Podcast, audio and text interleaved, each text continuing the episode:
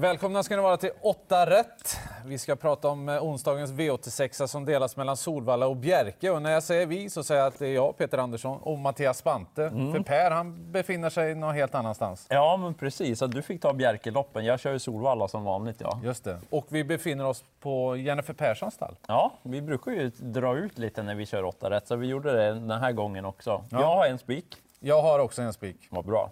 Och jag har den direkt i första avdelningen. Aha, okej. Nummer ett, ID Force to Victory. Eh, Frode Hamres häst. Han, eh, Tom-Erik Solberg kör hästen, men det är Frode som tränar och han låter väldigt nöjd med den här. Och vad fin han är också för klassen. Ja. Alltså, den kommer ju hem med fyra raka segrar. Den är inte jättesvår att hitta den här vinnaren kanske. Men den är snabb ut. Skulle den missa ledningen, jag är rätt säker på att den hittar ut och sen kan den vinna från de flesta positioner. Alltså, den är klart bästa hästen i det här loppet. De håller hästen högt. Jag tycker inte man behöver krångla till det. Utan spika i första avdelningen. Nummer ett. Bra start. Ja. Eh, man skulle kanske kunna spika avdelning två, men det är ju lite speciellt lopp där. Det är en spårtrappa för ston, men det som är lite extra speciellt är att det är kort distans. Ja, just Så det. Torr Carry Cash, hon har tjänat nästan ja, 400-500 000 mer än de som har tjänat näst mest. Och sen betydligt mer än de som har ja, spår 1 och 2 då, till exempel. Men då är det det att det är kort distans. Och så spår 12 och 1600 är kanske inte hennes favoritdistans heller. Men motståndsmässigt ser det bra ut. Hon har fin form. Mattias Djuse stallform. Den är verkligen bra. Verkligen. Så att, säg att det skulle dyka upp någon strykning här till onsdag också. Då har hon ju genast plötsligt ännu bättre uppgift. Så det är ju rätt hon blir favorit, men jag är ändå lite sugen att gardera. Det kan ju bli långt fram. Ja, och hästar i vägen och allt det där. Ja, så att, ah, jag vill nog ändå gardera, men rätt hon blir favorit. Fem Mr Pion tycker jag gick väldigt bra senast. Amerikanska sulken skulle åka på där. Hon är rätt så bra på kort distans också. Det var ett tag sedan hon hade sånt här läge också. Ja, hon kan öppna dessutom. Det är väl hon och ett Macy som jagar ledningen, så att de två känns intressanta. Sen tycker jag att Tio Tulli Bardin Boe känns spännande. Eh, eventuellt amerikansk sulky där. Hon brukar inte ha den så ofta, men har gjort bra lopp i den. Och så skulle man eventuellt ändra huvudlag också läste jag. Oj. Eh, men eventuellt efter värvningen då, så vi får se hur det blir där. Men den är ju bra. Även 11 Digital Pro är ju en sån här snabb häst. Hon har rygg på Mr Pion. Kan hon slinka före Carrie Cash och få betydligt bättre lopp än henne? Så att, mm, jag vill gardera, men det är ju rätt att Carrie Cash blir favorit. Ja. Det. Ja, det blir gardering. Japp. Ja. Vi tar oss till eh, tredje avdelningen då. Då är det ett kallblodslopp. Mm. Eh, Favorit 10 OM Luna. Hon ska gå med första gången med vanlig vagn. Jaha, okej. Jag tror det är första gången jag har hört om en häst som har startat 35 gånger. Den var ovanlig. Alltid gått i en sån här säkerhetsvagn, en Ah, sån här ja, subket. ja, mm. Men nu ska man eh, Lite förmodligen... sportigare. Precis. Mm. Våga sig på en vanlig vagn. Alltså, det, det är ju en, såklart en bra häst. Hon är snabb och allting. Men hon har bakspår på kort distans. Hon Mm. är lite stökig i humöret också. Det är ju anledningen till att man har väntat med den vanliga vagnen. Eh, Så att, eh, nej, ingen favorit jag vågar riktigt luta mig emot. Eh, Tre Björn Bork kommer ju också bli hårt betrodd. Han har ju bra läge här. Han är snabb ut. Det är bara lita inte på honom fullt ut, att han liksom går ut och bara vinner ett lopp på beställning sådär. Eh, Alltså så som spåren har blivit så är det ju egentligen hans lopp här ju. Ja, förstår. Men eh, ja, jag vet inte. Jag tror att det kan bli ganska tajt det här loppet faktiskt. Den som är väldigt intressant, som inte är så hårt betrodd, Mm. det är 9 Taco ÖK. Den är riktigt snabb i benen den hästen. Den har bakspår också på kort distans, men de är rätt så snabba där framför. Borde Mm. kunna komma igenom vettigt på något sätt. Ja, det, jag, jag kan se att det går faktiskt och eh, till den procenten som det ser ut att bli, då blir det, ja, det blir spännande. Ja, det lät intressant. Ja, så vi garderar i tredje. Eh, Fjärde känns som ett garderingslopp också. Visserligen gillar jag 8 Vincent CD. Jag och Per pratade om den senast när den startade. Det hade jobbigt utgångsläge då, men gick bra. Dock dåliga ryggar, så det vart lite för långt fram. Men nu har han spår 8 i voltstart, så stängt spår från början. Visst, det är lång distans, men ja, den möter ett par som är bra. Fyra Duktus är ju bra om den tar trav, men då har ju den fått spår 4 i volt, då, så undrar hur det kommer gå. Just det. Eh, Den är ju bra annars, och så Mattias Djuse stallform då. Men 10 Rio Alta Wine tycker jag känns mest spännande. Eh, gjorde debut för Jörgen Westholm senast. Den eh, var ute i tredje spår och gjorde ett bra lopp, men sen fick en häst från ryggledaren lucka och så krokade man i in på upploppet där så var liksom loppet förstört och så blev det galopp då. Men den fick ju ett lopp i kroppen. Ja. Och så, ja men inte så tokigt med sport 10, kanske sitter i tredje, fjärde utvändigt och så just loppet i kroppen där känns intressant. Och på den långa distansen också. Ja, för den är ju rätt så stark. Så Ja. att, uh, Rialta Wine tycker jag känns som ett givet motbud till Vincent CD. Sen är det ju lite spännande att Mats Djuse ska köra den här 12 Untouchable in. Jag tror inte att den blir så hårt betrodd.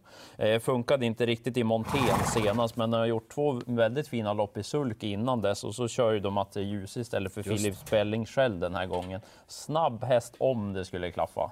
Ja, den har varit sensationellt bra ett tag. Ja, så att lite intressant att den just får smyga med den här gången, Mm. så sparar den där speeden. Ja, får se vad det kan bli då. Mm. Ska jag försöka vända blad till nästa här då. Ja. Eh, här snackar vi om tre Kinas Boy som ser ut att bli ganska klar favorit. Ja, såg du på sträckan. Ja, jag, jag tror att det är väldigt mycket på utgångsläget. Mm. Jag tycker ändå hästmässigt så finns det ju bra hästar emot här. Mm. Kinas Boy kan såklart vinna loppet. Den är snabb ut, det, det ser lite upplagt för den ut, eh, kanske får bestämma i ledningen och sådär. Men alltså den som är mest spänd på vad det gäller Bjerkes lopp och, och kolla på, det är ju 9 Iggy BR. Alltså, den är ju bra på riktigt i grunden. Ja, så är det. Nu är den tillbaka. Eh, Han har ju haft sina bekymmer. Det är ju en eh, norsk derbyvinnare detta. Nu gör den debut i, i ny regi. Eh, Den är anmäld med barfota runt om, amerikansk sulky, eh, allt det där. Och eh, möter ju hästar som den är bättre än kapacitetsmässigt. Det är ett långt uppehåll, jag vet det. Men samtidigt, jag, jag blir inte förvånad om han går ut och vinner. För mig måste han med i alla fall. Sen tyckte jag ett Jackson Avery var väldigt fin senast bakom High on Pepper. Ja, det var det loppet. Precis, Ja. lite väl lång distans, lite väl långt uppehåll inför det loppet. Perfekt smygläge här, får den fritt, kan susa förbi dem. Så lita inte på favoriten. Nej, det, det får inte bara bli att läget är bra. Nej, nej, förstår. Eh, Läget är inte jättebra för favoriten sen i avdelning 6, 9 D Godfather. Gillar den hästen annars, Mm. rätt så skön typ sådär. Men de- dels läget, bakspår, kort distans och så har den inte startat på ett tag. Så att hur är formen och så bakspår på kort distans i årsdebut. Det känns det. ingen, inte som någon favorit man vill gå på riktigt. 6 Nobel AF kommer också bli betrodd. Den har visat fin form, men den har spår en bit ut. Jag vet inte riktigt vad det blir för den från start. Känns som det kan bli en ganska tuff inledning, så jag tror mest på 3 Nidelem. Jättefin vid segern senast, så tävlar amerikansk sulky på slutet. Just det, det var första segern senast. Ja, ganska konstigt att den inte har Ja. vunnit lopp tidigare, för det är en trevlig häst. Jag tror att den kommer till ledningen den här gången. Tänkbart om man vill ta ställning och kanske gå på den. Kort distans. Ja, att den vinner ifrån ledningen. Ja. Men jag nämner 11 Easy Peasy Artis som en skräll. Tycker inte att den är så tokig, ganska snabb häst om den skulle få rätt lopp. Den var struken för en tid sedan och har fått nu två lopp i kroppen. Om det liksom skulle klaffa från bakspår och man kör lite fort där framme. Men Nidelem, jag, jag tycker att den ska vara favorit. Ja, spännande. Mm. Då tar vi oss vidare till den sjunde avdelningen då. Här är det ju mycket Hamre, stall Hamre Mm. det handlar om. Eh, Fyra Tide Targaryen. Eh, Blir favorit här då. Det är lite grann samma här som en annan favorit som jag klankar ner på. Att det är mycket på läge tror jag. Ja, ja. Eh, Klart att det är en av de bättre hästarna i loppet, men den är inte överdrivet bättre än de andra. Den har form, såklart att den ska med. Med fem Bo, Boer, så säger man va? Mm. Ja. Han är ju väldigt snabb iväg. Han gillar att springa på i lite väl högt tempo tycker jag. Eh, Så att det kan bli, kan bli fart på det här loppet och då kommer hästarna från bakspår in i matchen. Och då tänker jag på Östres 9 Jonathan Bank eh, AB. Ja. Östres hästar går bra nu. Ja, det känns fin stallform där. Precis, och eh, den här kommer från seger, lopp i kroppen. Blir det fart, då tror jag att den kan slå till. Ja, plocka med den från bakspår då. Ja, Men inga bakspår i avslutningen. Jag tänkte spika nämligen. ja det är så. Ja, att ett So Far Away Ås leder runt om. Mm. Den, eh, det vart ju lite konstigt där in på upploppet sen. Det kändes som det var segern som rök. Ja. Eh, Man ryckte ner det norska huvudlaget, man bröt ner och så sprang han över de här pinnarna också. Ja. Så, så blev liksom rädd av det. Men känslan var ju att det var segern som rök. De värsta motståndarna de har just bakspår 9, 10 och 11. Så jag tror att han håller ledningen och så får han snabb revansch helt enkelt från senast Kenneth Haugstad. Så spik för mig i sista. Härligt. Då ramar vi in det hela med spikar. Ja, So Far Away Ås på Solvalla och på Bjerke. Det är ju nummer ett då i den första avdelningen. ID Forced to Victory. Så heter den. Långt och fint namn. Skrällfronten, Taco ÖK nämner jag. Mm, finns ett helt gäng på Solvalla tycker jag. Untouchable in är ju lite spännande där. Och så kanske Digital Pro då, om det strular lite för, eh, för Carry Cash. Mm. Och se upp för Jonathan Bank AB.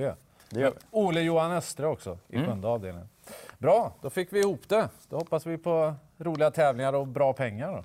Lycka till! Just det.